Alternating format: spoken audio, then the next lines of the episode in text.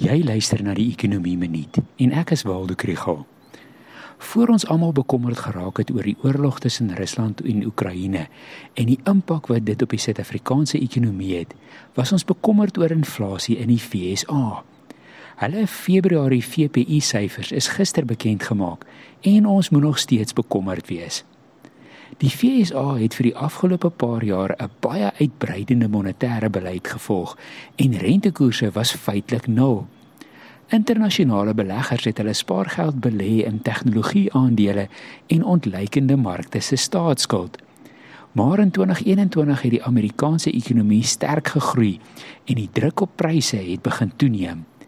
Dit is aanvanklik toegeskryf aan COVID-bottelnekke in voorsieningsketTINGS, maar die laaste paar maande se inflasie was toe nie van 'n verbygaande aard nie.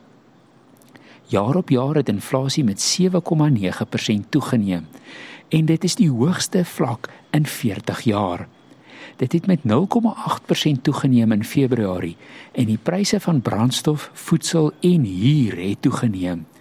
Selfs die maatstaf vir kerninflasie wat voedsel en energie uitsluit, het met 0,5% toegeneem. Die impak van die sanksies teen Rusland gaan waarskynlik kommoditeitspryse hoog hou vir nog 'n tyd lank en hierdie inflasie verder voer. Die vraag is nou, hoe aggressief gaan die Federale Reservebank rentekoerse verhoog? Hulle moet die inflasie tem, maar kan nie so skerp reageer dat dit dalk stagflasie veroorsaak nie.